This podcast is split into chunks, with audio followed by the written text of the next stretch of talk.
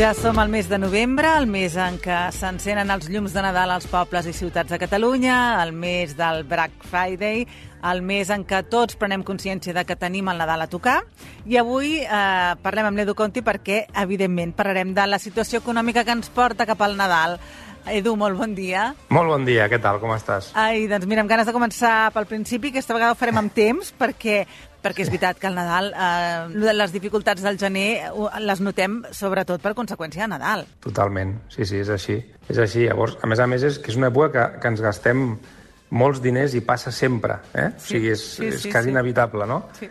A més a més, cada, cada cop ja saps que es publiquen estudis i enquestes de, de tot tipus. Jo, no, jo, jo he estat també llegint una mica per documentar-me. Llavors, el, el que sí que assenyalen totes aquestes enquestes és que la principal despesa que fem a les llars són els regals, amb diferència. En segon lloc, celebracions, menjars, festes, aquí se'ns en va el gruix també més important de diners. I al final, moltes vegades, en tot això, regals, celebracions, menjar, no volem fer curt. No? És, és, una època que tirem del famós que no falti de res.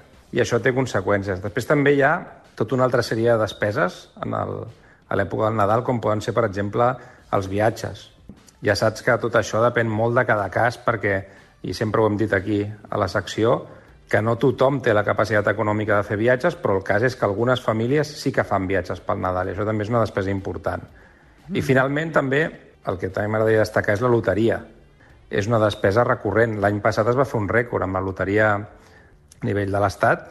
Es va gastar una mitjana de 70 euros per habitant, no per persona adulta, per habitant. Aquesta va ser la mitjana l'any passat, que vol dir més de 3 dècims per persona. Sí, és una sí. xifra important. I per tant, per què és important planificar aquest Nadal financerament? Mira, mi mirant aquests estudis que et deia, mm. el que he vist és que hi ha una sèrie de pedres amb les que ens ho paguem cada any, al Nadal. I te'n poso alguns exemples. La pedra més gran, la més destacada, és que gastem més diners dels que havíem previst. Això passa en més de la meitat dels casos. Després, una altra qüestió molt recurrent és l'estrès a l'hora de fer les compres i els regals. O sigui, no és una cosa que la fem tranquil·lament, relaxats, amb temps, no, no, no, ho fem a correcuita, amb preocupats, no trobo el que buscava, és massa car, no sé què comprar, etc. no? O sigui, molt estrès involucrat en tot, totes aquestes compres. Després també, a vegades tenim una sensació, um, suposo que tot haurà passat bastantes vegades també, de que ens estan fent regals poc útils. O sigui, sí. a l'altra banda hi ha hagut algú que ha estat donant voltes per tot arreu per buscar un regal per nosaltres, s'ha gastat uns diners, després quan obrim el paquet, és allò que dius, ostres... No... ni, fa, ni fa per mi ni em faré res, no? sí, exacte.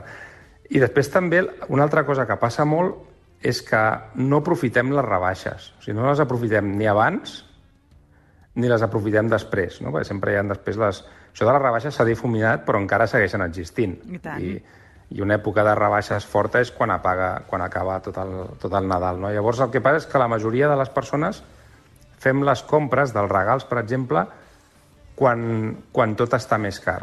I això també passa amb l'alimentació. Eh? Si tu vas a comprar tot el peix o la carn eh, dos dies abans de Nadal, doncs segurament et costarà més car que si l'haguessis comprat potser una o dues setmanes abans i haguessis congelat, no? per exemple, en el cas de, del peix. I finalment una altra cosa que cada cop està passant més i que ara mateix afecta aproximadament a una de cada quatre llars és que ens estem endeutant per, per fer front a les despeses del Nadal. I això és un problema. Al final, el planificar el que significa és pensar i organitzar la manera de fer les coses, amb temps i per tant, doncs realment, eh, si, si som capaços de planificar les despeses del Nadal, el que aconseguirem és estalviar-nos algunes d'aquestes ensopegades tan recurrents no?, que t'estava comentant. Sí, sí, segur. I per tant, què podem fer en concret a l'hora de planificar millor? Mira, el, el gran objectiu que hem de tenir a l'hora de planificar millor les despeses del Nadal és gastar els diners que la nostra situació econòmica actual ens permeti. Mm -hmm. Alhora que, clar, evidentment hem de ser conscients de que de que segur que ens gastarem més diners dels habituals perquè és una època de celebracions, i això serà pràcticament inevitable, però el que és molt important és que no perdem el món de vista, que tinguem aquesta consciència sobre quina és la nostra situació econòmica actual. Llavors, anant més al detall dels consells, doncs mira, te'n diria, te diria cinc. El primer d'ells, també molt repetit en aquesta secció, fer un pressupost. Eh? O sigui, mm -hmm. fixar una xifra, una quantitat, que és la que ens gastarem. Això el que fa és ajudar-nos a evitar allò que, allò que passa tantes vegades, que abans comentava, no? que, és, que ens gastem més diners per Nadal dels que havíem previst. Doncs una manera d'evitar-ho de, de, és tenir clar una xifra, un pressupost. Quan ens podem gastar aquest Nadal? Després, aquest, aquest pressupost eh, reitero que sigui consistent amb la nostra situació econòmica. La situació econòmica d'una persona o d'una família pot canviar molt d'un any per l'altre. Llavors, mm, ens hem d'aferrar, no, ens hem d'ajustar eh, en aquesta situació econòmica. L'hem de tenir molt present. Després, en, en tercer lloc, hem d'evitar endeutar-nos. Eh? Això que, que dèiem que està passant cada vegada més, doncs hem d'intentar evitar-ho.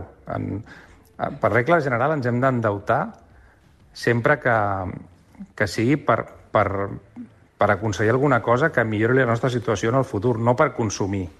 Eh? Mm. No és el mateix endeutar-nos, per exemple, per fer un curs o per comprar un ordinador que necessitem per treballar o per estudiar, que no pas gastar-nos diners per fer un regal i, i endeutar-nos per fer aquest regal.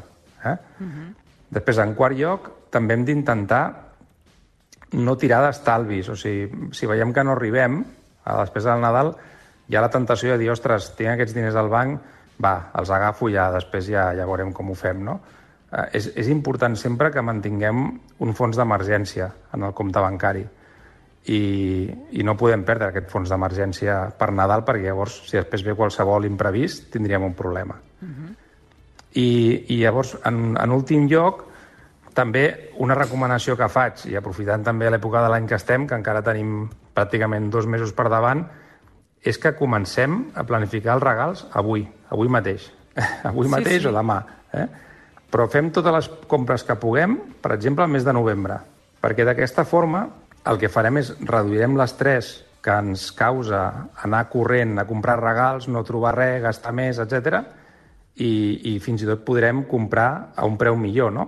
Inclús el, podem aprofitar-nos del Black Friday, no? Si tenim molt que el que volem comprar, sabem quin és el preu i veiem cap al Black Friday apareix alguna oferta amb un preu més econòmic, doncs aprofitem-la. Eh? Però sempre que siguin coses que ja havíem previst, eh? no comprar per comprar.